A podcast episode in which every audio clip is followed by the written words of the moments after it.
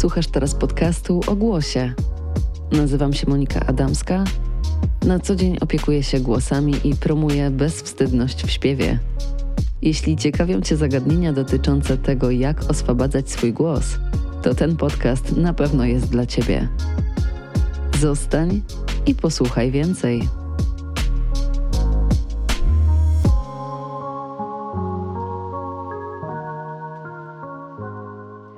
Cześć, witaj w kolejnym odcinku podcastu o głosie. Tym razem odcinek zupełnie nietypowy, no bo i o nietypowym połączeniu. Co mają biodra do stawu skroniowo-żuchwowego i czy biomechanika tych obszarów łączy się jakoś z głosem? To jest pytanie, które sobie postawiłam, ale nie tylko sobie, bo postawiłam je też ekspertce Joannie Gajewskiej, fizjoterapeutce pracującej głównie nad zaburzeniami w obszarze czaszkowo-żuchwowym, szyjnym, nerwów czaszkowych. W swojej pracy działającej z innymi fizjoterapeutami, logopedami, e, stomatologami, psychoterapeutami, optometrystami, e, prowadzącej bloga i Instagrama kinezjoteka.pl. Cześć Joanno. Witam Cię bardzo serdecznie, witam wszystkich słuchaczy. Bardzo mi miło. Dzięki, że przyjęłaś zaproszenie do odcinka. No, temat mamy taki dosyć nietypowy, bo myślę, że mało kto może połączyć głos i Staw skroniowo-żuchwowy to jeszcze, no bo wiadomo, że ta mobilna żuchwa i śpiewanie mają się ze sobą bardzo, ale gdzie w tym wszystkim biodra? Ty łączysz ten temat. Powiedz mi, co dokładnie łączy e, żuchwę czyli staw skroniowo-żuchwowy z biodrami, czyli też stawami biodrowymi. Bardzo się cieszę, że możemy e, nagrywać ten odcinek właśnie w listopadzie, bo listopad to jest e, miesiąc świadomości TMJ, czyli stawu skroniowo-żuchwowego, więc to jest super okazja, żeby nagrać, nagrać akurat taki odcinek, żeby porozmawiać ogólnie o stawach skroniowo-żuchwowych, ale też wyjść trochę dalej, no bo właśnie dzisiaj zawędrujemy aż do biodra. Jest kilka takich elementów, które łączą staw skroniowo-żuchwowy właśnie z biodra. E, przede wszystkim może sobie zacznijmy tak pokrótce od od, tego, co to w ogóle są te nasze dwa stawy, e, czym one są. E, biodra Mm, stawy biodrowe to ogromne kuliste stawy. Składają się z głowy kości udowej, z panewki kości miednicznej. Ich stabilność zapewniają więzadła, bardzo silne, rozbudowane, obrąbek stawowy, ale także mięśnie, których tam jest bardzo dużo. Mhm. Brak mobilności w tych stawach niestety często y, skutkuje takimi kompensacjami w odcinku lędźwiowym. Te stawy muszą być mobilne, żebyśmy całościowo mogli y, funkcjonować prawidłowo. Mhm. bo one tak naprawdę mają już wyjściowo, powinny mieć dużą, e, dużą mobilność. Natomiast stawy skroniowo-żuchwowe e, umożliwiają ruchome połączenie czaszki z żuchwą. E, mamy tutaj, jakby składają się z, z takich elementów jak właśnie głowa żuchwy i dół stawowy kości skroniowej. Oba te stawy, co jest ciekawe, myślę, że oczywiste, jak sobie już o tym tak pomyślimy, działają jednocześnie. Nie możemy poruszyć tylko lewym albo tylko prawym e, stawem skroniowo-żuchwowym.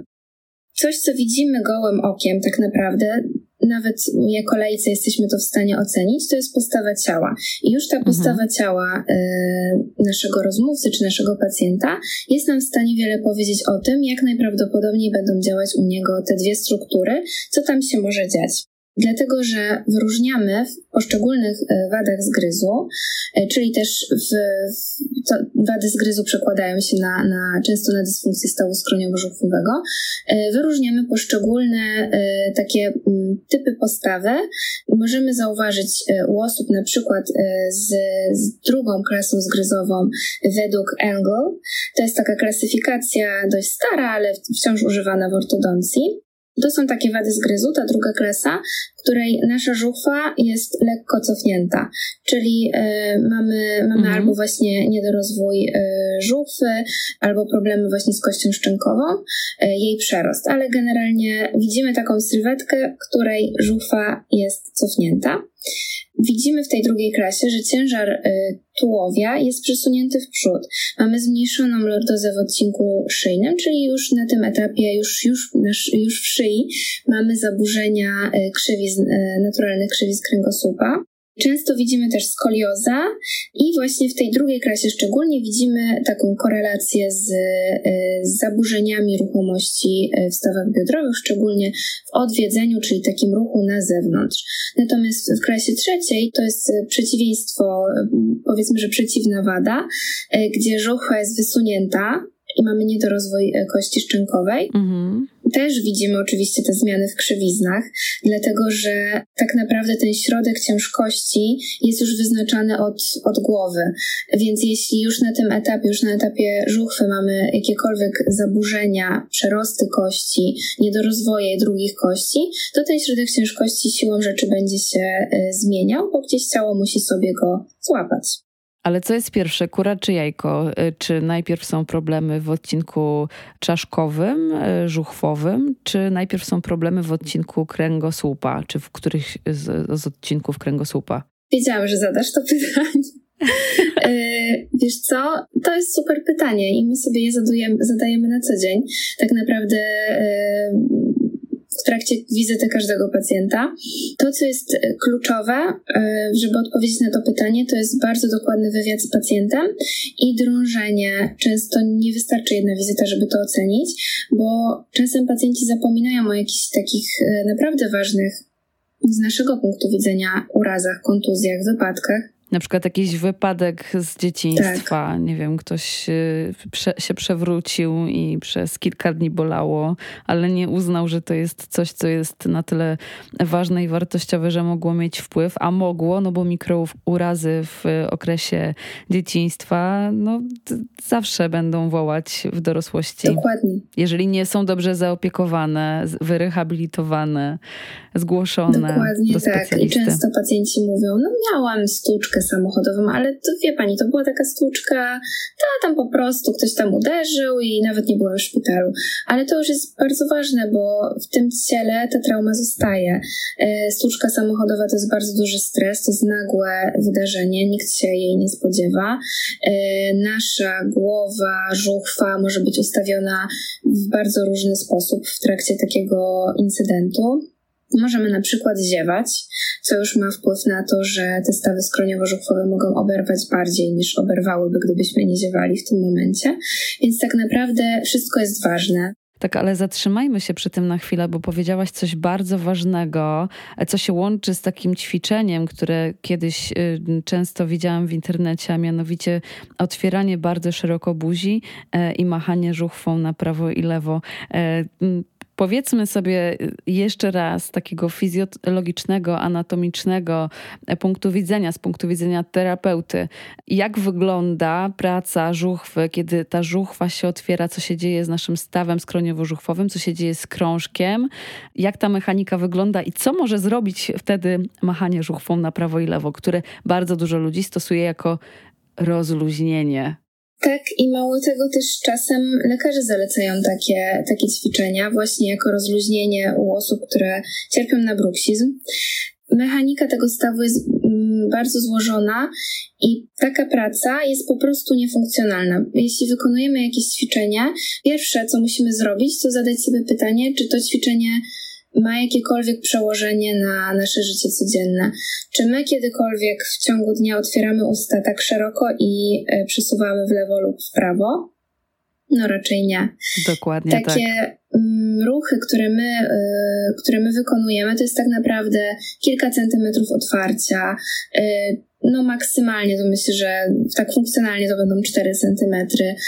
Ruchy na boki tak naprawdę są nam potrzebne. Rzucie Dokładnie, przy rzuciu przede wszystkim, yy, przy mówieniu czasem też, yy, ale generalnie tak, tak jak już super słusznie zauważyłeś, takie ćwiczenie po prostu jest niefunkcjonalne i to jest, to jest podstawowy problem. A co się wtedy dzieje ze stawem? Tak jak ja to rozumiem, to czekaj, bo zaplątałam stopy w kabel, znaczy nie wiem, odwrotnie to w momencie, kiedy mm, otwieramy szeroko żuchwę, ten mhm. krążek trochę wyjeżdża z tego swojego stawu e, i kiedy zaczynamy nim e, żuchwą przesuwać na boki, to po prostu już nie jesteśmy w, tym, w tej naszej miękkiej wyściółce, mhm. tylko jesteśmy tuż przy kościach. Więc jesteśmy w stanie sobie po prostu tam zacząć ścierać e, te struktury, które się tam znajdują. Mhm. Już nie wspominając o tym, że jeżeli zrobimy to zbyt mocno, zbyt dynamicznie, to będziemy w stanie sobie tą żuchwę z tego stawu wyjąć, co mhm. może doprowadzić do, do tego tak zwanego, jak to się mówi? Wypadnięcia żuchwy. Tak, przemieszczenie krążka, no, no dokładnie. Przemieszczenia krążka. Tak, różne to, ma, różne to ma nazwy. To jest bardzo trudny temat w ogóle, jakby mechanika tego stawu. Mhm. E, natomiast jest tak, dokładnie tak jak mówisz, nie? I po prostu ta, e, mm, ten krążek może zacząć, może, może zostać i nie wrócić, nie? Jakby tak bardzo potocznie to, to określając. Tak, no i dochodzi do dużego napięcia torebki stawowej, więzadeł, takiego w ogóle niepotrzebnego, bo jakby nie ma celu w tym, żeby, żeby napinać. Y, jakby nie ma to sensu po prostu. No z mojej perspektywy ma to sens o tyle, o ile e, dużo osób pracujących z głosem po prostu przychodzi do mnie z e, ekspozycją takich ćwiczeń. Kiedy pytam o to, co robią e, samodzielnie, czy, czy właśnie z jakimi ćwiczeniami mieli do czynienia, no i ja mam wtedy za każdym razem mikrozawał, nie? Mhm. A, a już w szczególności, kiedy widzę, że dzieci na przykład realizują takie ćwiczenia. Tak, tak. Także Także o tyle, o tyle to jest istotny temat i, i już go poruszałam w kontekście rozmowy, o ile dobrze pamiętam, z, i z, chyba z Jolą Kosicką i z Patrykiem Kardaszem. Tak, z Patrykiem myślę, że też. Ale, mhm. ale chcę, żeby tam gdzie, tam, gdzie tylko jest y, ekspert, fizjoterapeuta, fizjoterapeutka, mhm. Y, ktoś, kto mm, zna się i to potwierdzanie tego i przypominanie, nawet w kontekście takich odcinków jak ten, myślę, że jest dosyć istotne. Dokładnie. To, co ja bym powiedziała jako pierwsze, to właśnie fakt, że to ćwiczenie jest niefunkcjonalne. E, ruchy, zarówno potrzebujemy prawidłowego, e, funkcjonalnego otwarcia żuchwy, jak i, jak i ruchów na boki, ale w tej kombinacji tych dwóch ruchów to po prostu nie idzie w parze e, funkcjonalnie nie używamy w ten sposób stawu. E, natomiast ruchy na boki tak naprawdę są bardzo ważne, te ruchy laterotruzji tak zwanej, e, bo one, mm, ich brak mm, w odpowiednim zakresie może nam pokazać już bardzo szybko, bo tak naprawdę jest to e, mniej niż minuta, kiedy pacjent wykonuje taki ruch i w jedną i w drugą stronę może nam już na tym etapie mhm. pokazać, że może być jakaś patologia właśnie e, wewnątrzstawowa, bo tak naprawdę prawidłowa laterotruzja w lewo i w prawo, e, gdzie e, zakresy są mniej więcej podobnie, maksymalnie mówi się, że 3, 3 mm może być różnicy między ruchem w lewo a w prawo to jakby zachowanie tych prawidłowych zakresów wyznacza nam, pokazuje nam, że staw y, ma prawo działać y, prawidłowo. Jeśli już na tym etapie widzimy, że te zakresy są za małe, albo pacjent w ogóle nie jest w stanie wyizolować tego ruchu, no to możemy się domyśleć, że takie czynności jak rzucie wykonuje też nieprawidłowo, obciążając cały czas ten staw w życiu codziennym. To wróćmy jeszcze do e, anatomii i do tego, jak połączone są ze sobą biodra i żuchwa. Tak, jeszcze żeby odpowiedzieć Ci na to pytanie, co było pierwsze, kura czy jajko. Tak. E, I y, jest taka złota zasada, powiedzmy. Jest to zasada właśnie, której mm, kierujemy się y, też prowadząc terapię powięziową. Old is gold. Pierwszy uraz stary uraz może być tym, co jest dla nas teraz złote, kluczowe w, w postawieniu właśnie diagnozy pacjenta i w leczeniu go. E, I właśnie tutaj przechodzimy sobie już do, do powięzi, bo to jest taka tkanka, która tak naprawdę, jak nie wiemy, co powiedzieć, co łączy coś z czymś, Możemy mhm. powiedzieć, że pewnie powięź. I faktycznie, jak się odniesiemy do taśm anatomicznych, do taśm właśnie mięśniowo-powięziowych, możemy, e, możemy zauważyć, że takie połączenie stawu skroniowo-żuchwowego z biodrem e, istnieje. E, ale czym jest w ogóle? Powięź to jest taka specyficzna tkanka łączna, która jest takim wsparciem strukturalnym dla mięśni, dla więzadeł, dla kości, narządów wewnętrznych, dla nerwów. Powięź mm, ma takie zadanie, żeby chronić tkanki, bierze udział w transporcie płynów, substancji, e, komunikuje e, te tkanki ze sobą, jest w stanie też regulować temperaturę ciała i pozwala na przenoszenie sił e, podczas ruchu, dzięki czemu te siły się rozkładają mm, w trakcie ruchu, bo wiadomo, że ruch to jest, każdy ruch to jest złożony proces, w którym nie bierze udział tylko jeden mięsień, dzięki czemu tak naprawdę prawidłowa elastyczność tej powięzi pozwala nam na minimalizację ryzyka urazów i na sprawne funkcjonowanie. Powiedz jest unerwiona, w związku z czym może boleć jak najbardziej e, i może ten ból się przenosić na inne struktury. I tutaj właśnie mamy tak naprawdę sedno tej mojej wypowiedzi. E, możemy się tutaj e, powołać jakby w kontekście biodra stawu skroniowo-żuchwowego na spiralę tułowia, z której jedna idzie od kości jarzmowej, druga zaczyna się od okolicy skroniowej na taśmę powierzchowną przednią. Tutaj mamy e, takie połączenie e, wyrostka sutkowatego kości skroniowej, czyli też składowej e, stawu skroniowo-żuchwowego z kolcem biodrowym przednim dolnym, czyli już stawem biodrowym. Ta powieść idzie aż do palców stóp. Więc zeszłyśmy jeszcze dalej, chcąc, nie chcąc, jeszcze niżej.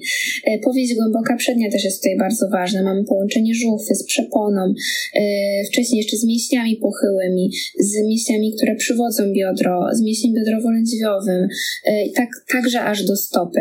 Więc tak naprawdę te połączenia są bardzo duże i to faktycznie czasem widać. Oczywiście nie u każdego pacjenta ta zależność będzie występować, ale kiedy pacjent gdzieś tam nam już wspomni, że że, jeszcze gdzieś tam go biodro pobolewa, a przyszedł do nas ze stawem skroniowo-żuchwowym, tak naprawdę mamy już, e, no ma, musimy się tym zająć, nie możemy tego tak zignorować, bo to najprawdopodobniej ma związek. No, powiedziałaś o stopach. Myślę, że stopy też są bardzo istotne. Zresztą w wokalistyce niejednokrotnie mówimy o tym, jak istotną rolę odgrywa tak zwane ugruntowanie, e, polegające też na tym, żeby właśnie E, zdrowo rozkładać ciężar ciała na stopach, żeby pamiętać o tym, że stopy to nie są tylko pięty, albo tylko palce, albo tylko krawędzie boczne, także kolana, które są dosyć istotne. I to, czy one są rozluźnione, czy, czy rzepki są puszczone, już nam bardzo dużo daje i kiedy robimy, realizujemy pewne ćwiczenia wokalne, które zakładają właśnie zmiany pozycji, to niezwykłe jest to, że od razu możemy usłyszeć różnicę w tym, jak ułożenie naszego ciała wpływa na to, w jaki sposób brzmimy. No i teraz pytanie do ciebie. Dochodzimy do głosu i do tego, czy ty, jako fizjoterapeutka, ekspertka, jako osoba pracująca z pacjentami, zauważasz jakieś takie połączenie tego, nad czym pracujesz, a tego, jak emitowany jest głos, jak on brzmi.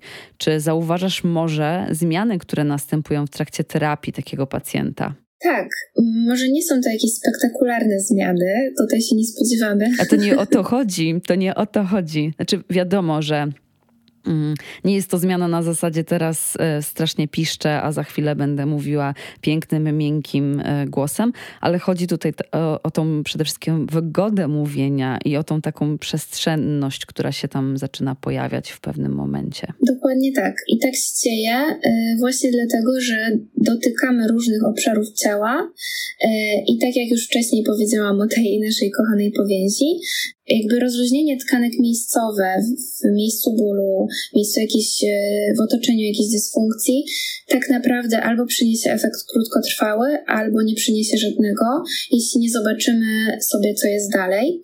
I faktycznie e, te zmiany głosu czasem można zauważyć.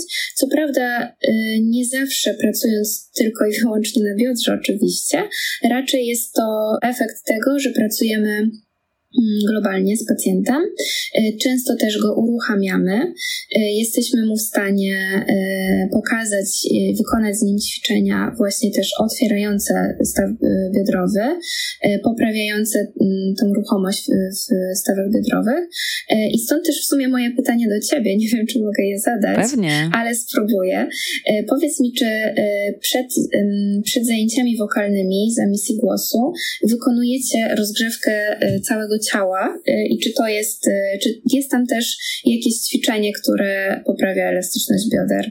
E, czy elastyczność bioder to nie wiem, raczej, raczej nie mam takiego specjalnego ćwiczenia, ale tak, ostatnio mhm. coraz częściej zaczynam od um, rozgrzewki ciała, ale to jest przede wszystkim takie rozciąganie, rozluźnianie i rozciąganie. Mhm. Robimy to sobie na stojąco. Zaczynamy od oddechu, potem przechodzimy do wyciągania się w ciele do góry, rozciągania tułowia, rozciągania boków.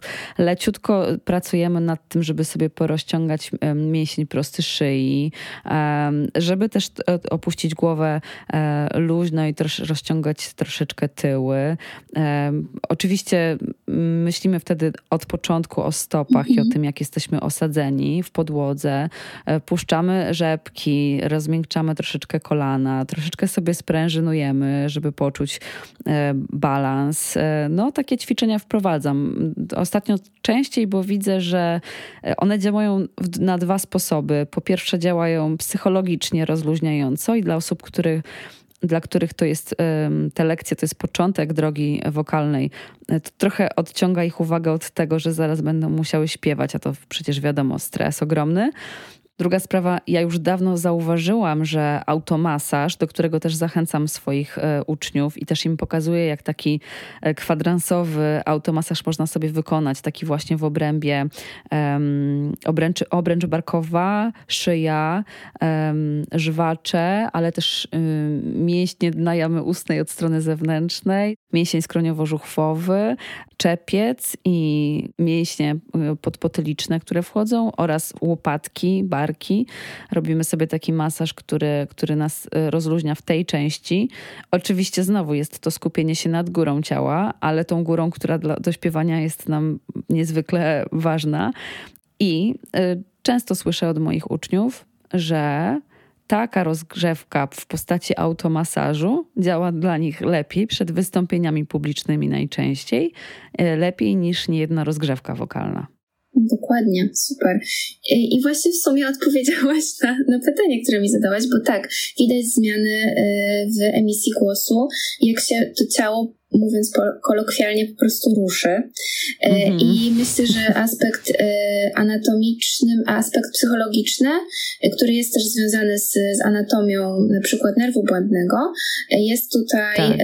kluczowy, bo działa po prostu rozluźnienie. Jesteśmy w stanie sobie troszkę włączyć ten układ przywspółczulny, odpowiedzialny za relaks, za właśnie odprężenie.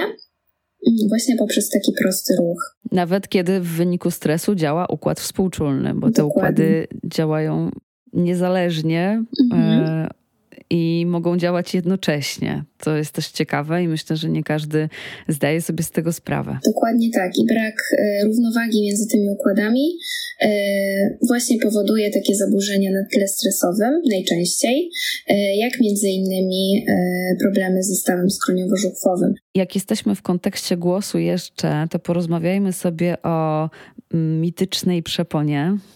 Uwielbiam przeponę i, i wiem, jaka jest istotna jej rola w procesie oddychania i tym samym w procesie tworzenia dźwięku ale jak pewnie domyślasz się o tej przeponie, to się mówi za każdym razem, kiedy myśli się o śpiewaniu i często się powtarza taka fraza śpiewać z przepony, e, mówić, z, oddychać z przepony. Rzeczywiście jest coś takiego jak oddychanie przeponowe. E, w ogóle to jest ciekawe, bo rozmawiając z różnymi specjalistami na temat oddechu, e, ostatnio często przejawia się sformułowanie, że nie ma czegoś takiego jak prawidłowy oddech, w sensie jeden wzorzec prawidłowego oddechu. Natomiast są jakieś zasady, E, które mogą, czy jakieś mm, cechy charakterystyczne, które mogą nam ten e, zdrowy oddech e, opisać. I w takim oddechu przepona bierze swój udział. No i właśnie, z, z tego co ja wiem na temat przepony, to że jest to mięsień, który nie tylko odpowiada za proces oddechowy, ale jest to właśnie też mięsień, który robi drenaż limfatyczny, który jest sterowany błędnikiem, nerwem błędnym razem z sercem, więc on też, też i praca serca i praca przepony jest ze sobą w, przez ten nerw skoordynowana. Wiem też, że e, ostatnio w 2014 roku Janusz Kocjan z Uniwersytetu Śląskiego zrobił takie dosyć duże, zakrojone badanie na temat e, przepony, z którego wynikło mm, kilka ciekawych, e, ciekawych rzeczy. No i właśnie staw skroniowo-żuchwowy, przepona biodra. Jak ty to widzisz? E, tak, wydaje mi się, że to był 2018. Janusz Kocjan wtedy, wtedy udowodnił, że e, kolejna ważna funkcja przepony, bo pięknie już wymieniłeś poprzednie, e, że przepona odpowiada też za utrzymanie równowagi statycznej. Tak. Czego, tak, tak. tak czego wcześniej nie wiedzieliśmy. To jest naprawdę przełomowe, przełomowe odkrycie. Odpowiada też za stabilizację postawy i widzi się u osób z bólem, przewlekłym bólem odcinka lędźwiowego kręgosłupa, że ta ruchomość przepony przepony jest aż o 50% mniejsza niż u zdrowych osób.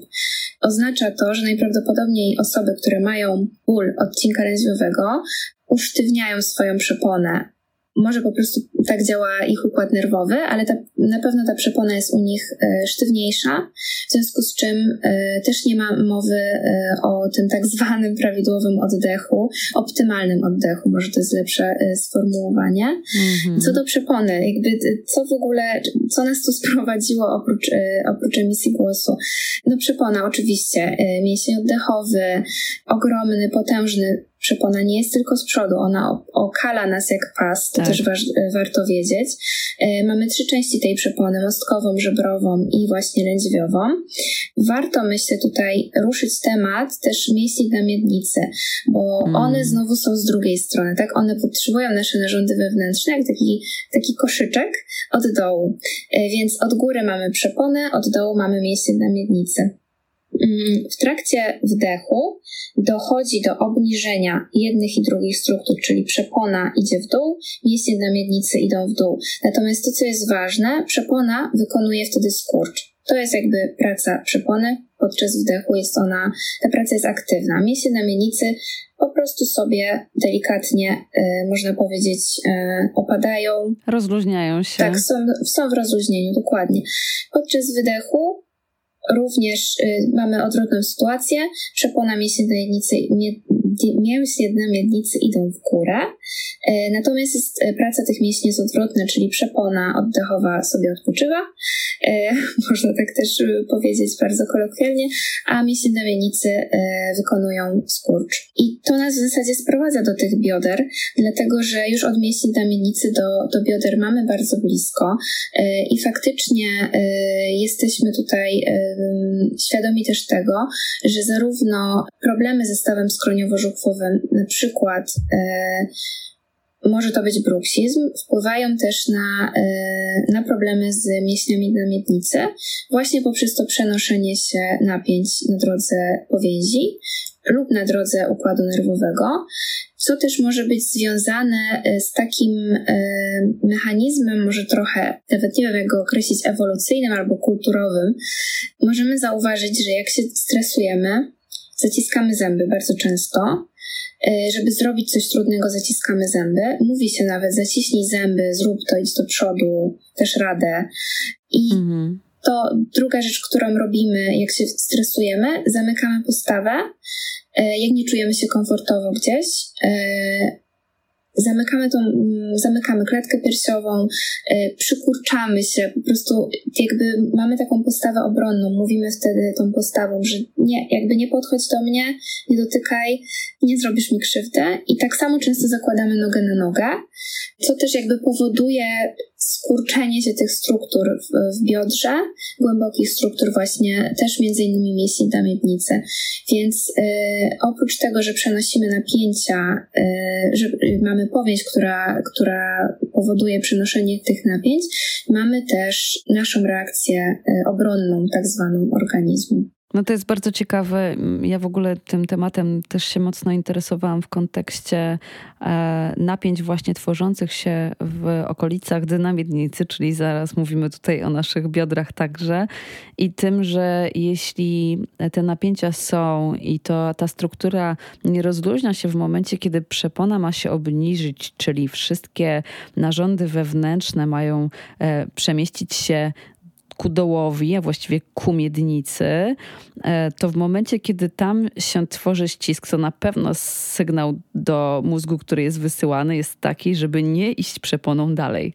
Mhm. I zaczyna nam się tak zwane spłycanie oddechu, które de facto będzie nam wpływało na to, jak brzmimy, jak mówimy, e, jak długo możemy mówić e, i jak oddychamy. Płytkie oddychanie e, no, zdrowe nie jest i to już zostało przebadane na 5 milionów stron i sposobów. Więc też jest to istotne. Ciekawi mnie jeszcze taki temat. Ostatnio zwróciłam na to uwagę, że kobiety, które są w ciąży, przecież zmienia im się tor oddechowy. I teraz dosyć istotne jest to, żeby mówić o tym kobietom, bo w momencie, kiedy jest już po porodzie i to dziecko jest już na świecie, e, to może dojść do takiej sytuacji, że kobieta nieświadoma tego, że ten jej oddech przez ostatnie kilka miesięcy się diametralnie zmienił, że może wrócić znowu do przez pewne ćwiczenia, bo nie zawsze może się to zadziać samoistnie, do takiego zdrowego e, toru oddechowego, czyli optymalnego toru oddechowego. Dokładnie tak, przecież ciąża to jest 9 miesięcy. Co prawda te zmiany oddechowe najbardziej są zauważalne, podejrzewam, drugi, trzeci trymestr, gdzie po prostu rozmiary brzucha już są tak duże, że mamy nacisk na przyponę.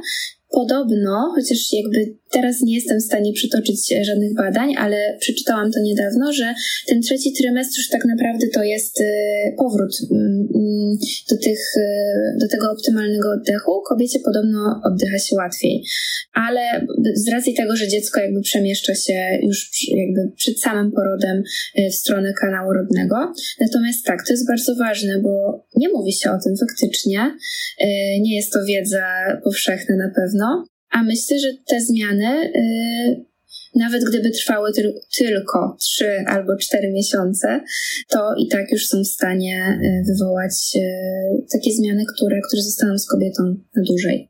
Na pewno mówi się o tym, że kobiety nie oddychają przeponą, i ja myślę, że to jest e, chyba odpowiedź na ten mit, e, który jest powielany, że rzeczywiście może tak być, że spora część kobiet e, oddycha zbyt płytko i nie używa przepony, albo w ograniczonym stopniu, właśnie dlatego, że no, dużo kobiet też rodzi dzieci.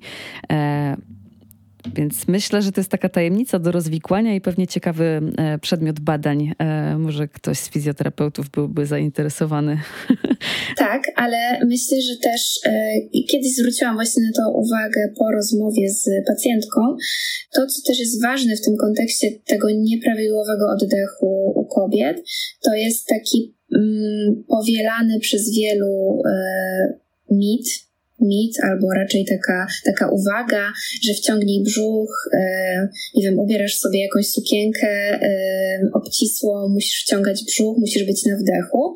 Tak się mówiło bardzo długo. Mm. Do dziewczynek, do kobiet, do właśnie nastolatek, e, i to w głowie zostaje, bo tak naprawdę e, sama jestem czasem świadkiem albo uczestnikiem takich rozmów, gdzie y, my jako kobiety się łapiemy na tym, że kurczę, my byłyśmy cały czas na wdechu, że tak naprawdę y, ten brzuch był zassany.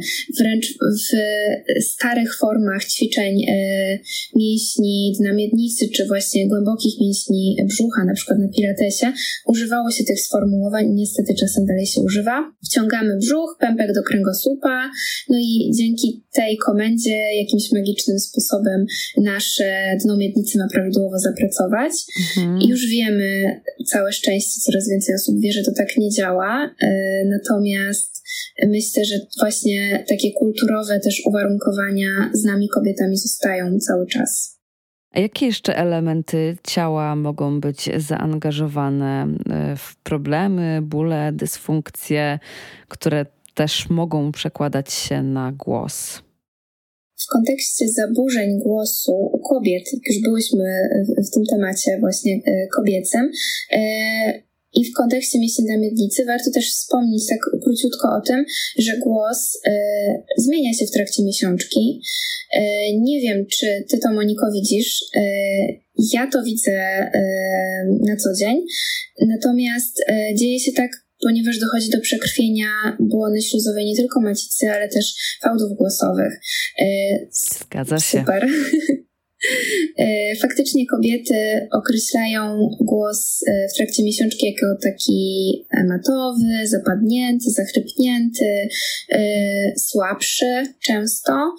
Jest to oczywiście podyktowane zmianami hormonalnymi, ale też jeśli kobieta ma bolesne miesiączki i jeśli ten obrzęk y, faktycznie błony śluzowej jest większy, często dochodzą do tego y, zmiany w układzie trawiennym, dochodzi do y, zaparć albo do biegunek, brzuch jest wręcz taki obrzęknięty, tak często go kobiety określają, co oczywiście przekłada się na to, y, jak pracuje nasza przepona w danym mhm. momencie. I faktycznie y, nawet ten mm, sama ta sytuacja, że, że cierpimy na ból, już sprawia, że po prostu nie mamy siły y, mówić głośniej, y, wyraźniej i ten głos po prostu matowieje i, i słabnie. A idąc dalej, myślę, że warto y, w kontekście głosu, żebyśmy sobie i słuchaczom mm, powiedziały, jakie inne obszary jeszcze wiążą się y, z dysfunkcjami stawu skroniowo-żuchwowego, bo y, wcale nie musi być tak, że dysfunkcja stawu skroniowo-żuchwowego równa się ból stawu, problemy z otwieraniem, kliknięcia w stawie itd. Tak to są rzeczy, które wiemy, które są oczywiste, ale często one nie są w ogóle obecne u pacjentów. Okazuje się, że gdzieś, ten, gdzieś ta dysfunkcja się manifestuje gdzie indziej, a staw skroniowo-żuchwowy może mimo to źle działać i może tam jest właśnie problem. Na pewno jest to głowa, e, czyli bóle głowy. Często u pacjentów, którzy przede, przede wszystkim zaciskają zęby w nocy, e, obserwujemy e, bóle głowy, poranne bóle głowy, czasem bóle, które ich wy, wybudzają, e, w okolicy często skroniowej. Jest to związane z tym, że mięsień skroniowy odpowiada za zamykanie buzi, w związku z czym zaciskając zęby, ten mięsień jest w nieustannym skurczu nieustannym napięciu i mamy odpowiedź bólową, często właśnie takich pacjentów nie boli żuchwa, nie boli staw skroniowo-żuchwowych, boli ich głowa. Myślą, że mogą mieć właśnie migrenę, a okazuje się, że po prostu problem jest y, w stawie. A czy to nie jest tak, że zdecydowana większość bólów głowy jest pochodzenia napięciomięśniowego, a nie neurologicznego? Myślę, że tak. Nie chcę teraz strzelać jakimiś e, procentami, ale myślę, że około 80% na pewno.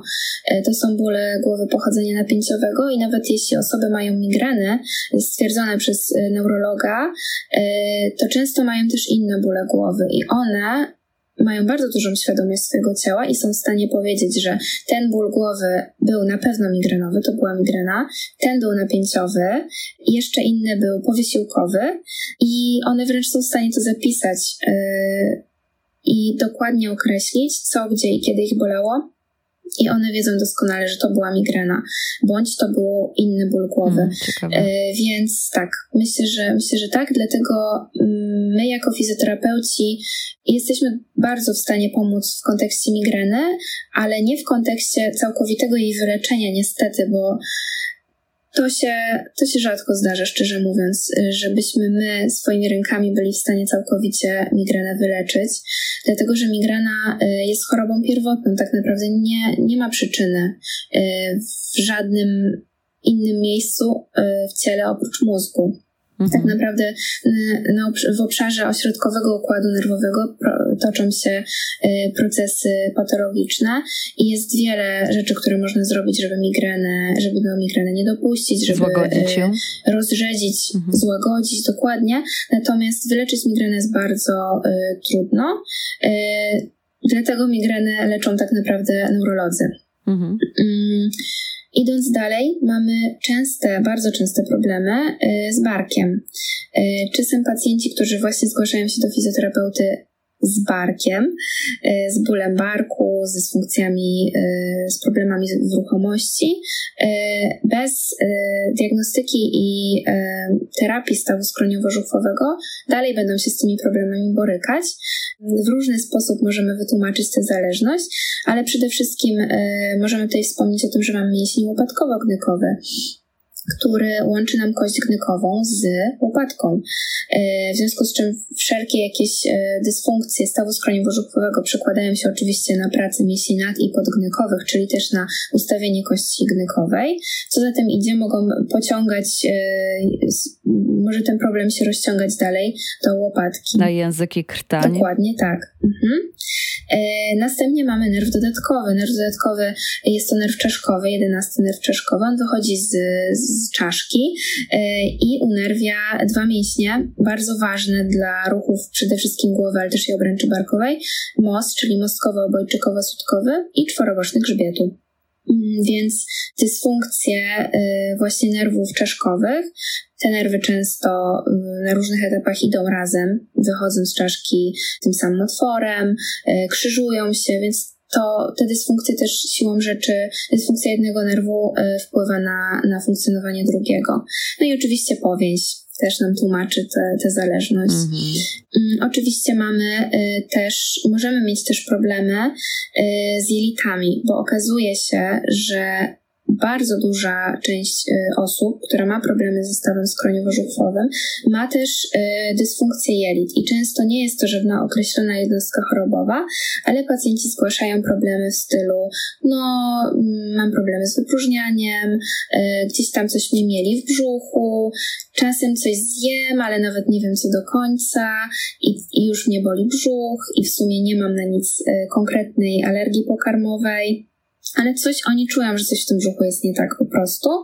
Mhm. Jelita produkują ponad 90% serotoniny, czyli tak zwanego naszego hormonu szczęścia. Mhm. E, w bruksizmie za to y, obserwujemy spadek tej serotoniny.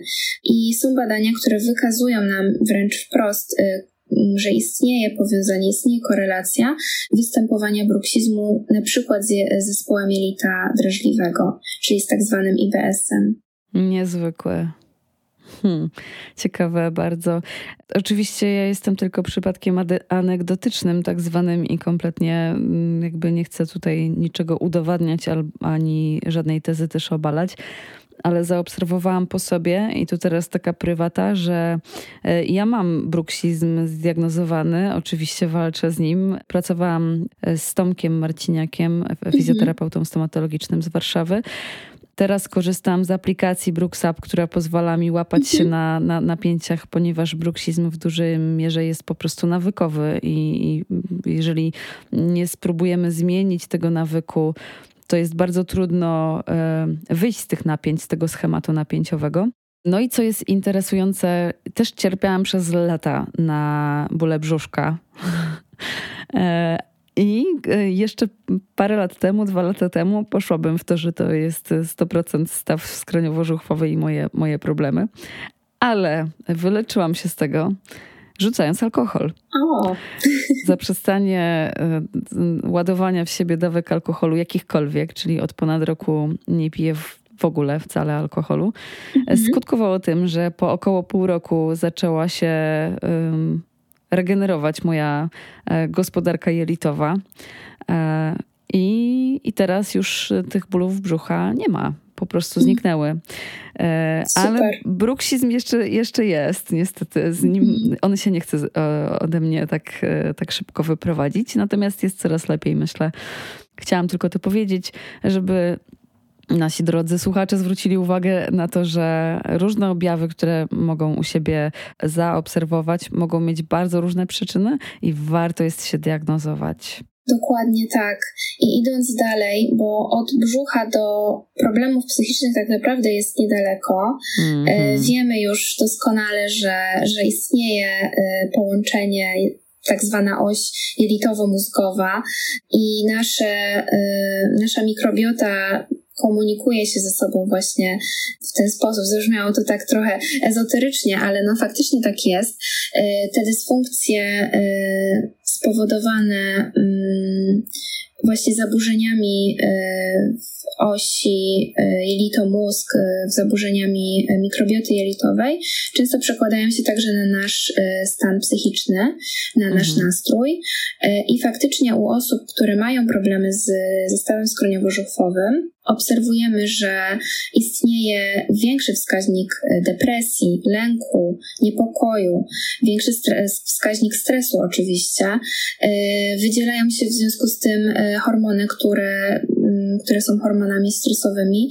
Organizm jest pobudzony współczulnie, włączają nam się właśnie te wszystkie reakcje walki, ucieczki, wzrasta tętno, zwiększa się ciśnienie krwi, zwiększamy liczbę oddechów na minutę, a jak wiemy, więcej oddechów na minutę nie znaczy wcale lepiej. Nasz, nasza wątroba zaczyna więcej glukozy wydzielać do krwi, więc mamy szereg, szereg takich faktycznie reakcji, które później, które są już widoczne w ciele. W związku z tym może, to taka luźna uwaga, luźna sugestia, nie jestem, nie jestem lekarzem, żeby o tym decydować, ale może warto by było pacjentom z nadciśnieniem na przykład wspomnieć o tym, że trening oddechowy y, może im pomóc. Y, zmniejszenie ilości mm -hmm. oddechów na minutę może pomóc, dlatego że bycie w stałym stanie gotowości y, właśnie do walki, ucieczki po prostu to, to nadciśnienie może potęgować tak. wtedy człowiek wpada w takie błędne koło. No właśnie, a skoro przy błędnych kołach, to pogadajmy jeszcze na koniec o przewlekłym stresie i układzie nerwowym, i właśnie e, o tym, jak jesteśmy w stanie stymulować ten nasz układ e, przywspółczulny i współczulny. Jak to widzisz z perspektywy fizjoterapeutki? Ja to widzę w ten sposób, że chyba nie ma pacjenta, który, który aktualnie nie, nie jest w tym błędnym kole, dlatego że gdyby, jest duża szansa, że gdyby w nim nie był, to nie trafiłby też do mnie. W ogóle zacznijmy od początku może. Autonomiczny układ nerwowy. On pełni kontrolę nad czynnościami narządów, tkanek i większość naszych narządów ma podwójne unerwienie, w związku z czym, tak jak mówiłaś wcześniej, e, mhm. e, mamy unerwienie i współczulne, i przywspółczulne. Jeden narząd może działać dwojako, tak? Mm, Wyjątkiem jest, są na przykład, to już akurat mówimy o tkankach, ale wyjątkiem są e, mięśnie przewłosowe na przykład. One mają tylko współczulne e, unerwienie i e, to, co ja często widzę u pacjentów z bólami głowy, one odpowiadają za takie stroszenie się włosów. I czasem pacjenci mi zgłaszają, że bolą ich cebulki, bo, boli, bolą ich włosy po prostu. Okej. Okay co się faktycznie czasem zdarza. I faktycznie tutaj trzeba po prostu e, zadziałać na, na powięzi, żeby to, e, żeby to napięcie e, zniwelować. No ale jakby do brzegu, w takich dysfunkcjach jak właśnie TMD, czyli zaburzenia stawu skroniowo-żuchwowego, obserwujemy pobudzenie układu wegetatywnego. Obserwujemy, że nasz układ nerwowy autonomiczny układ, e, jest raczej w stanie e, pobudzenia współczulnego, dlatego że mamy, mamy dwie opcje. Mamy przywspółczulny układ nerwowy, który odpowiada za relaks, za wyciszenie. Jego włókna wychodzą z pnia mózgu. Większość właśnie biegnie z nerwem dziesiątym, czyli z nerwem błędnym, ale także, także znajdują się w kości krzyżowej na poziomie właśnie pierwszego i drugiego kręgu krzyżowego. Natomiast układ e, współczulny e, odpowiada za walkę, za ucieczkę i on jest utworzony przez nerwy mm, pochodzące z odcinka piersiowego i odcinka lędźwiowego. I mamy takie trzy drogi, e, jak ten autonomiczny układ nerwowy może działać. Dwie dotyczą nerwu błędnego, a trzecia właśnie dotyczy tego pnia współczulnego z odcinka piersiowego i lędźwiowego. Brzuszna część nerwu błędnego jeśli ona jest e, aktywowana, powiedzmy, że ona jakby wychodzi na prowadzenie, e, odczuwamy radość, spokój, miłość, satysfakcję, wszystkie te pozytywne e, emocje. Jeśli grzbietowa część nerwu błędnego jest na prowadzeniu, mamy taki stan freezingu, mamy takie zamrożenie. Będziemy raczej w bezruchu, mhm. apatyczni. Sytuacja nas przerasta, my po prostu zatrzymujemy się, i jakby jest koniec, nie idziemy dalej, e, nie robimy nic więcej. Natomiast jeśli pięć współczulny e, prowadzi, mhm. mamy właśnie e, gotowość do walki albo do ucieczki, czyli wtedy na kogoś nakrzyczymy, wtedy się odwrócimy, tupniemy nogą, trzaśniemy drzwiami i po prostu wyjdziemy. Taką sytuację zamrożenia, która jest właśnie charakterystyczna dla grzbietowej części nerwu błędnego, widzimy często u osób chorych na depresję. One są raczej, przynajmniej w tym takim głębokim mm, stadium choroby, w bezruchu, apatyczne, właśnie takie wycofane. To, co jest ważne, musi być równowaga między tymi układami, mm, czyli przywspółczulny i współczulny muszą być mniej więcej na jednym poziomie, żebyśmy się czuli dobrze.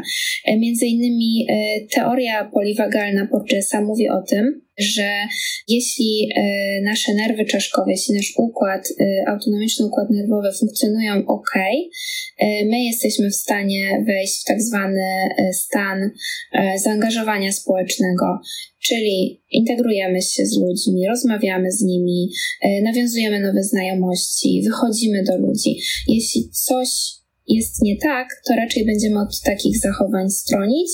Będziemy chcieli e, sami ze sobą przebywać i e, się z tym sami e, uporać. Można też zauważyć w ogóle w języku polskim, że często y, porównujemy sobie pewne zachowania, y, używając różnych związków frazeologicznych czy, y, czy właśnie różnych sformułowań, do tego, co się dzieje, co z nami robi nasz układ nerwowy. Na przykład mówimy, ktoś jest zdenerwowany, mówimy mu, że jest w gorącej wodzie kąpany. Mhm. Bo znowu zdenerwowanie, bycie w tym stanie współczulnym podniesie, równa się podniesienie temperatury ciała. Mówimy mu wtedy, żeby ochłonął, tak? Czyli żeby żeby, żeby trochę się uspokoił. E, tak naprawdę ciepło i chłód to właśnie, e, one są właśnie odbierane jako e, odbicie naszego stanu emocjonalnego. A chłodne kończyny? Chłodne kończyny. Hmm, temat rzeka. Myślę, że to jest takie bardzo, bardzo jednostkowe. U mnie na przykład ręce robią się zimne, jak się stresuję. E, u niektórych będzie odwrotna sytuacja. Policzki będą płonąć, będziemy od razu widzieć tego buraka na twarzy mhm. E, i ręce będą się pocić i będą ciepłe. Mhm. No, ale tak, myślę, że chłodne kończyny to jest w ogóle... Tak, temat rzeka. Ale idźmy do stresu jeszcze. Co, co robić, jeżeli cierpimy na przewlekły stres? Bo e, znając troszeczkę anatomię stresu, możemy jednak wykonać kilka czynności i często nie będzie to to, co przez e, media i popkulturę jest nam sugerowane, czyli jeżeli się stresujesz, to idź do wanny i najlepiej napij się wina.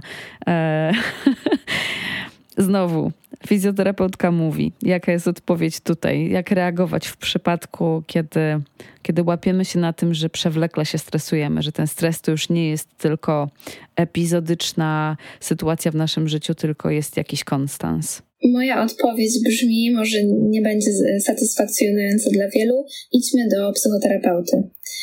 Dlatego, że oczywiście jest jest wiele sposobów, z którymi, y, które możemy zastosować w życiu codziennym, żeby ten stres y, zredukować. Zaraz możemy o nim doraźnie, doraźnie żeby o nim, możemy o nich zaraz mhm. wspomnieć.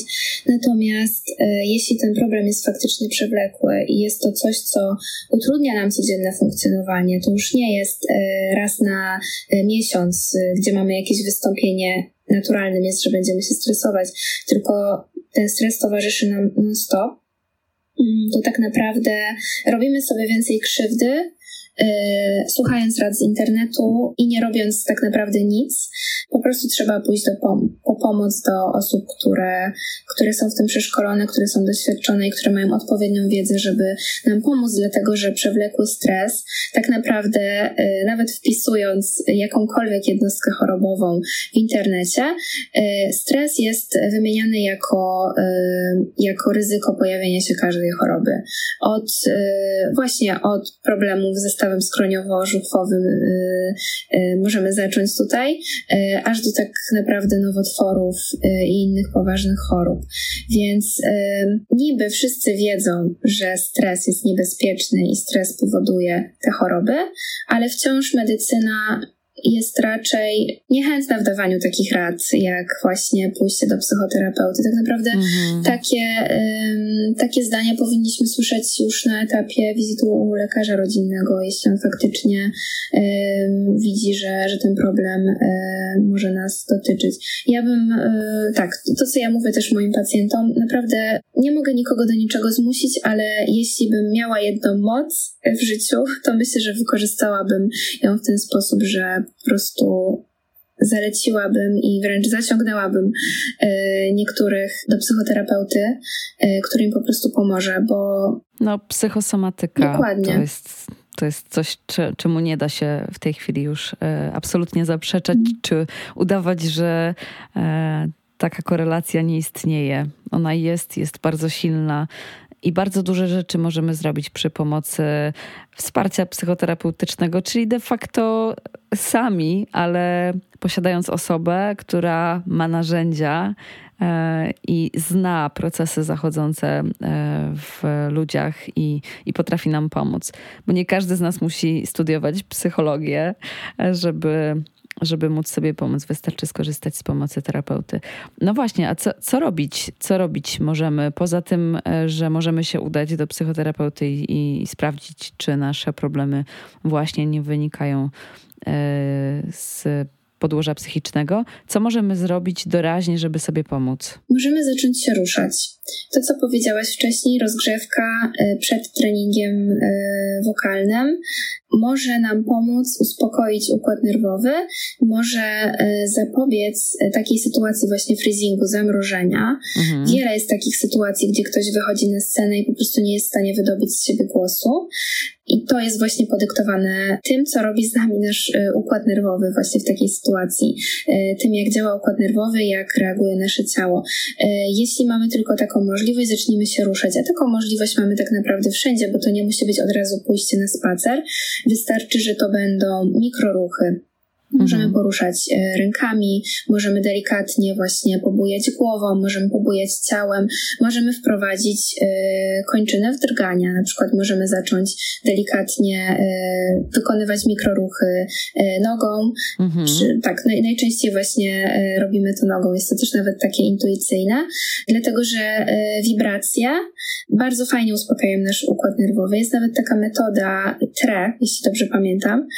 Tak, właśnie nagrałam odcinek cały z e, Grażyną Okulską na temat TRE. Ona jest TRE prowajderką i sama zaczęłam chodzić na TRE. Jestem już po trzech sesjach. To jest bardzo ciekawe doświadczenie.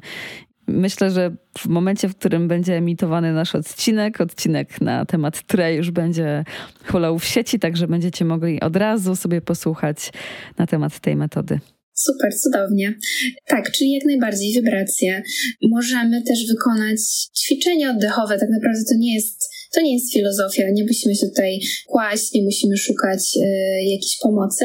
Wystarczy, że spowolnimy nasz oddech. Możemy zacząć liczyć oddechy na minutę. Już samo liczenie powoduje, że odwracamy uwagę, to jest raz, a dwa, spowolnienie oddechu wycisza delikatnie układ współczulny, pozwala się temu układowi przywspółczulnemu aktywować, w związku z czym długie wydechy przede wszystkim powodują, że jesteśmy się w stanie y, delikatnie uspokoić.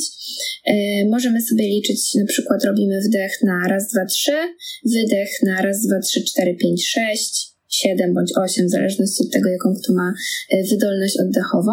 I mhm. faktycznie te oddechy po, po, krótkim dość czasie e, spowolnią i zauważymy zmiany w ciele. Czyli ruch i oddech to są tak naprawdę dwie rzeczy, które mi się, które mi przychodzą na myśl jako pierwsze. Tak, w kontekście oddechu polecam taką książkę. James Nestor chyba się nazywa jej autor Oddech.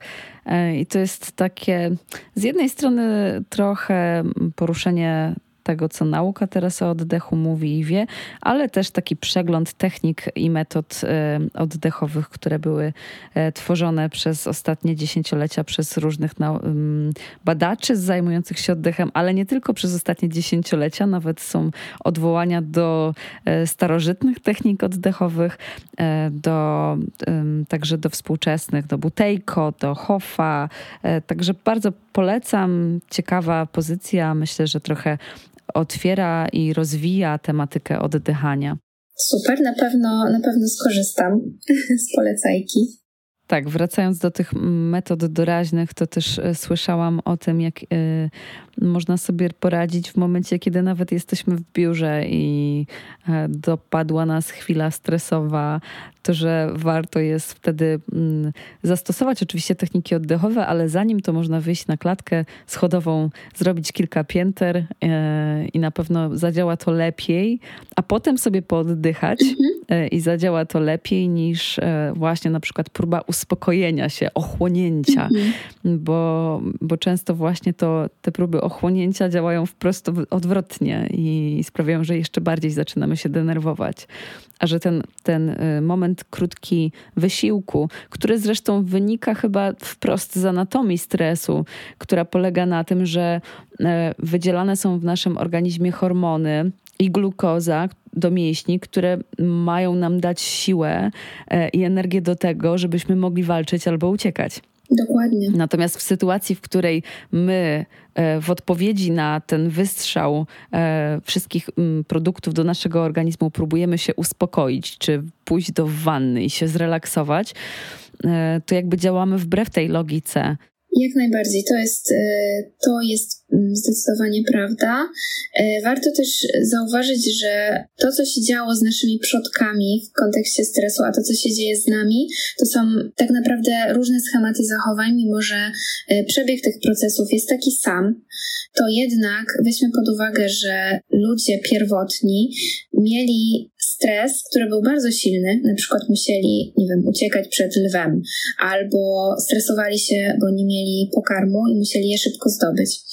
I to był taki krótki stosunkowo, ale kończący się w końcu tak. E, moment e, stresu, czyli ten organizm miał e, siłą rzeczy moment, żeby wrócić, żeby, żeby ta homeostaza się wydarzyła, żeby ta równowaga tak. wróciła. Natomiast wielu z nas tak naprawdę tego momentu nie ma. To, co nas e, zabija tak naprawdę, e, to jest e, ciągły stres, ale mikro, w mikrodawkach. Więc tak naprawdę często jest tak, że my już nawet tego stresu nie zauważamy, mhm. bo jeśli on nie jest bardzo, bardzo wysoki, ignorujemy go, po prostu czasem go nie widzimy. E, nie widzimy tych takich mikrozmian w zachowaniu czy w samopoczuciu, które świadczą o tym, że nasz organizm cały czas jest pobudzony e, właśnie do tej walki, ucieczki. I dzieje się właśnie taka sytuacja, że nagle, nagle budzimy się pewnego dnia i okazuje się, że mamy po prostu szereg dolegliwości, które nas atakują i w ogóle nie wiemy mhm. skąd one przyszły, jak, jak to się wydarzyło, że, że nagle mamy cukrzycę, że mamy nadciśnienie, tak. E, że jeszcze dodatkowo ścieramy sobie zęby, e, boli nas brzuch, mamy IBS Często dla ludzi jest to zaskoczenie i mówią, no ale przecież ja się dobrze odżywiam, przecież ja jestem aktywny fizycznie, tak. ale jakby gdzieś wciąż ta sfera psychiczna jest y, w diagnostyce y, i postępowaniu terapeutycznym niestety trochę pomijana. A gdybyś mogła jeszcze powiedzieć, co możemy zrobić, żeby usprawnić, uelastycznić, odnapięciować e, obszar stawu skroniowo-żuchwowego czy obszar bioder? Do jakich specjalistów możemy się udać? Co możemy zrobić samodzielnie, żeby, żeby było lepiej? Dobrze, że dodałaś to, to pytanie do jakich specjalistów, dlatego że jeśli, e, jeśli mamy faktycznie jakiś realny, duży problem, to jednak dobrze mieć tą diagnozę. Fajnie, żeby nas ktoś zobaczył, fajnie, żeby ktoś nas zbadał, e, ocenił, co tam się tak naprawdę w ciele dzie dzieje. E, jeśli chodzi o problem stawu skroniowo-żuchwowego, bóle głowy, e, problemy właśnie wynikające z napięcia bądź innych dysfunkcji odcinka szyjnego, przede wszystkim fajnie się udać do fizjoterapeuty stomatologicznego. Jest to stosunkowo nowa branża, ale tak nie do końca nowa. W każdym razie już trochę istnieje na rynku i tych fizjoterapeutów jest coraz więcej. Oczywiście jest to takie nieoficjalne stwierdzenie, dlatego że my jako fizjoterapeuci nie mamy możliwości jeszcze e, robienia specjalizacji, więc tak naprawdę nazwaliśmy się tak trochę sami, ale właśnie po to, żeby tę specyficzną grupę pacjentów, których tak naprawdę jest bardzo dużo, w jaki sposób właśnie nakierować na to e, i nakierować też specjalistów, którzy tych pacjentów e, kierują do nas, e, żeby właśnie udali się do, do nas, do fizjoterapeutów stomatologicznych.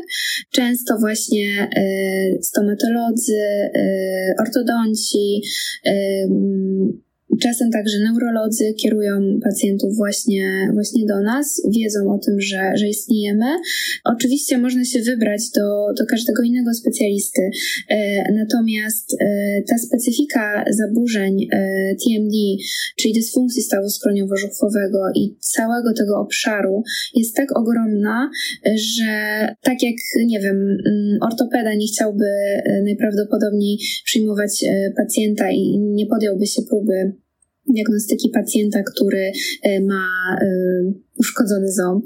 Tak samo e, my fizjoterapeuci też już nie jesteśmy od wszystkiego mhm. i fajnie, że to gdzieś tam coraz częściej wybrzmiewa, bo, bo tak naprawdę ta wiedza o ludzkim ciele jest tak ogromna, że nie jesteśmy w ogóle w stanie ogarnąć tego naraz jednocześnie.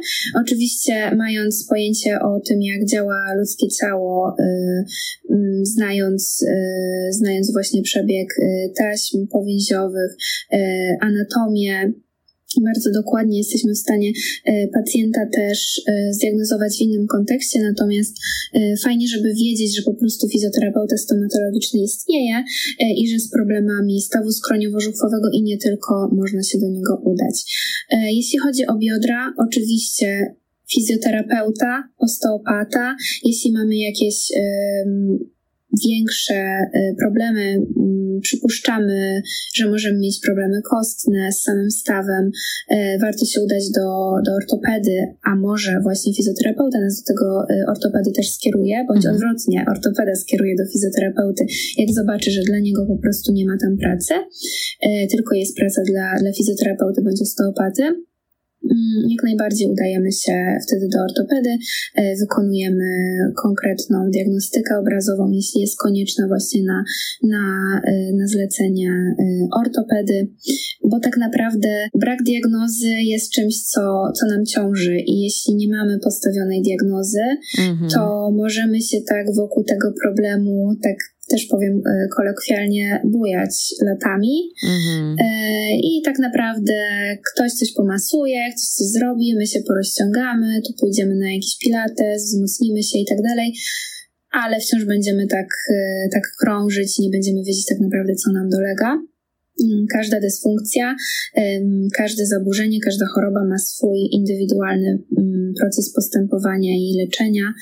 I to się tyczy także ćwiczeń, więc nie możemy tutaj wrzucić e, bioder i stawu skroniowo-żuchwowy do jednego worka, że, że to będą na pewno takie ćwiczenia dla każdego, mhm. bo, bo bardzo ważne jest to, jak ten pacjent w ogóle całościowo funkcjonuje, jakie on ma inne dolegliwości, jaką on ma postawę ciała, jakie ma y, zabiegi za sobą y, i tak dalej, więc na tej podstawie, dlatego właśnie tak, tak ważne jest indywidualne podejście do do pacjenta i faktycznie ta interwencja u specjalisty, właśnie między innymi u fizjoterapeuty. Rozumiem, że jeżeli chodzi o prewencję, to ruch, świadomość swojej postawy mhm. ciała e, i troska o to, żeby, żeby dbać o postawę ciała. E, co jeszcze można by było tutaj do tego dołożyć? Jeśli pracujemy biurowo, biurowo bądź po prostu na siedząco, e, warto wiedzieć, że wcale nie musimy siedzieć w idealnej, yy, w idealnej postawie, w idealnym ułożeniu cały dzień. Tak, już to słyszałam, że nie ma czegoś takiego jak prawidłowa pozycja siedząca. Każda kolejna jest e, tą dobrą, tak? Mm-hmm. tak, tak się faktycznie mówi. I fajnie, że to w końcu wybrzmiało, bo bardzo długo gdzieś tam yy, krążyliśmy wokół tego stwierdzenia, że, że tam 90 stopni zgięcia. W stawie biodrowym, w stawie kolanowym, w stawie skokowym e, i jakby krążyliśmy wokół tego, jakiej wysokości powinno mieć, mieć biurko, e, krzesło, jak powinno wyglądać i tak dalej. Okazuje się, że to wcale nie jest takie ważne i coraz więcej badań nam już o tym mówi, że e, tak naprawdę możemy siedzieć krzywo, możemy się podpierać jedną ręką, możemy podpierać się drugą, możemy e, dać nogi na, na krzesło na chwilę. Najważniejsze jest to, żeby ta pozycja faktycznie była różnorodna i żeby e, ona się zmieniała. Fajnie jak wstaniemy co chwilę, fajnie mhm. jak usiądziemy na piłce, jak, e, jak zmienimy krzesło, jak usiądziemy krzesłem mhm. odwrotnie, czyli usiądziemy okrakiem, jeśli mamy taką możliwość na, na konkretnym siedzisku. Także myślę, że właśnie ta, ta zmiana y, postawy. Czyli nie zastygać. Nie zastygamy, patrzymy w dal, jak pracujemy do bliży tak zwanej, czyli e, czytamy, e, nasza praca polega na tym, że czytamy, że patrzymy w komputer bądź w inny ekran. E, fajnie sobie co 20 minut zrobić taką przerwę i popatrzeć w dal. Mówi się, że to powinno być 6 metrów, czyli najprawdopodobniej mało kto z nas ma taką też przestrzeń, ale patrzymy po prostu w okno i to, to by było idealne, zwłaszcza jeśli mamy za oknem park albo jakiś inny skrawek zieleni. Zieleń też wpływa na to, że nasz wzrok się relaksuje mhm. więc co 20 minut przez 20 sekund patrzymy w dal, patrzymy na 6 metrów. To będzie prewencja znowu dla, dla naszych oczu, yy, dlatego że wiele bóli bóli czy bólów głowy no. też jest Nieważne. też jest y, podyktowane y, napięciem nadmiernym wokół y, samego oka, gałki, gałki ocznej, zarówno mięśni, jak i nerwów, które tamtędy przebiegają. Więc czasem te bóle głowy to może niekoniecznie migreny, może niekoniecznie jakieś bardziej właśnie neurologiczne problemy, może po prostu nasze oko jest zmęczone i w takim permanentnym skurczu do bliży, i wystarczy je po prostu odpowiednio rozluźnić. Więc ruch przede wszystkim i jak najbardziej zachowanie mobilności w biodrach, bo tak naprawdę y, wszelkie mm, pozycje typu głęboki przysiad, y, malasana, to się nazywa wiodze, y, czy z podparciem mm, pod pośladkami, czy bez, w zależności od naszej elastyczności, to jest świetny zarówno sposób na, na zaparcia, jak i na, na zachowanie tej elastyczności, mobilności stawów biodrowych wszelkie pozycje typu pies z głową w dół czy pies mhm. z głową w górę, także z jogi, pozwalają nam te biodra e, w prosty, nieinwazyjny, szybki sposób e, rozluźnić. No i zawijając już do brzegu, mogłabym powiedzieć, że e, głos to jest jeden z takich czynników, po których możemy zauważyć, że w naszym e, ciele dzieje się coś nie tak. To jest bardzo subtelna sytuacja, dlatego że e, często, jeżeli zmiany występują w długim e, czasie, to możemy nie zauważyć ich, ale na pewno zauważymy to, że nasz głos nam się nie podoba, że jest napięciowy, że jest piszczący, że jest zbyt wysoki, że się zrywa. Jeśli widzimy w swoim ciele, czy słyszymy tego typu zmiany, to udajmy się do fizjoterapeuty, bo najpewniej e, jest e, to jeden z elementów, który objawia nam to, że w naszym ciele już doszło do pewnych napięć. To jest moja perspektywa jako osoby, która pracuje z ludźmi, którzy chcą poprawić swój głos, które chcą śpiewać czy mówić zdrowiej, przyjemniej, wygodniej. I też często z doświadczenia wiem, że kiedy polecam moim uczniom e, pracę z ciałem mm, różnymi metodami, bo tak naprawdę prac, pracę z ciałem można wykonywać no, na przykład idąc na zajęcia TRE albo jakiś metod technik Aleksandra, Feldenkraisa, gimnastyka, yoga, pilates, jazda na rowerze, chociaż no, tego typu sporty często doprowadzają do pojawiania się napięć ale e, praca z ciałem daje naprawdę wymierne korzyści e, i często ludzie, którzy zaczynają coś robić, na przykład pracując z trenerem personalnym czy, czy z fizjoterapeutą chociażby, to obserwują zmiany w głosie. Także to jest moja perspektywa i chciałam e, też Tobie, myślę, trochę otworzyć na to głowę, żebyś może też chętniej obserwowała te głosy swoich pacjentów.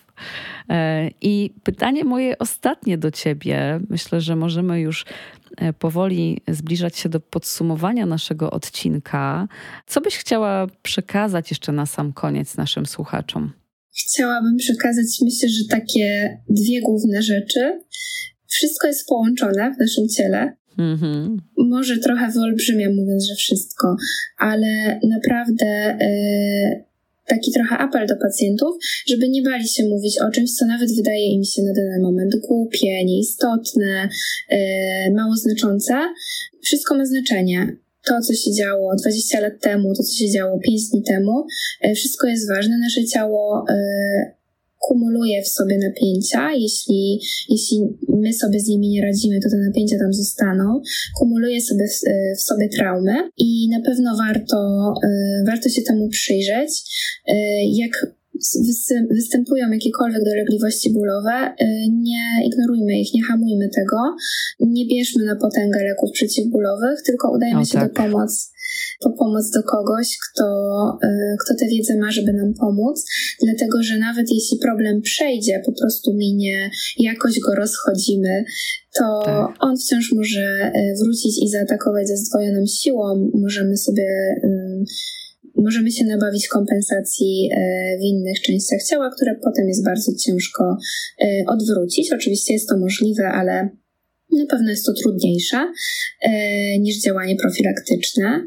I druga sprawa, e, nie bójmy się prosić o pomoc, jeśli mamy jakiekolwiek e, problemy, e, nie radzimy sobie ze stresem, nie możemy spać, jesteśmy, jesteśmy przemęczeni, nawet nie wiemy dlaczego, mamy dolegliwości, które wiemy już nawet wprost, że one są na tle psychosomatycznym, pójdźmy po pomoc do mhm. psychiatry, pójdźmy do psychoterapeuty. Nie musi to być od razu deklaracja, że będziemy w terapii, mogą to być nawet konsultacje, e, które mhm. otworzą nam oczy na, na to, jak w ogóle e, wygląda terapia i jakie mamy e, możliwości, jakie medycyna oferuje możliwości, żeby sobie z tymi dysfunkcjami radzić. Dziękuję Ci, Anno, bardzo za udział w tym podcaście. Na pewno mam do ciebie jeszcze mnóstwo pytań. I nie wiem, zastanawiam się nad tym, czy nie jest to pomysł na to, żeby zrobić kolejny odcinek, bo ten temat wydaje się być niezwykle ciekawy. Na przykład kwestie związane z rozluźnianiem przepony, czy jesteśmy w stanie robić to samodzielnie. Myślę, że prawdopodobnie byłabyś w stanie tutaj opowiadać nam i odpowiadać na te pytania bardzo długo. Także e, jeśli masz jakieś materiały, czy e, coś, co możemy poczytać z Twojego bloga chociażby, e, to napisz i chętnie dołączę to do opisu odcinka. Jasne, chętnie. E, bardzo dziękuję wszystkim słuchaczom. Dziękuję Tobie, Moniko, za zaproszenie. Dziękuję, że dotrwaliście do końca i mam nadzieję do usłyszenia. Ja też mam nadzieję, że do usłyszenia. E, kochani, dzięki za to, że jesteście z nami, że słuchacie do końca. Jeśli ten odcinek Wam coś zrobił, to udostępnijcie go w swoich mediach społecznościowych albo przekażcie go komuś, komu może się przydać. Z mojej strony to tyle. Poza tym, że zachęcam Was jeszcze do tego, żebyście wspierali moją działalność. Możecie to robić na Patronite albo na Buy Coffee too. Zachęcam także do oddawania głosu w plebiscycie podcast roku 2022. Jeszcze do 17 listopada można oddać głos. Oddawajcie głos na podcast o głosie w kategorii lifestyle, hobby, kultura. A i nie zapomnijcie o tym, żeby odznaczyć dzwoneczek w waszej ulubionej aplikacji podcastowej, żeby być na bieżąco z odcinkami podcastu o głosie. Na Spotify'u dobrze wiem, że możecie też oznaczyć i zostawić swoją ocenę, więc pamiętajcie o tym, że bardzo będzie mi miło, jeżeli to zrobicie. Wszystkie źródła i dodatkowe informacje w opisie odcinka, mail do mnie także, mail do Joanny, także e, blog Joanny, także, także, także do usłyszenia w kolejnym odcinku podcastu o głosie. Pa! Pa! Thank you.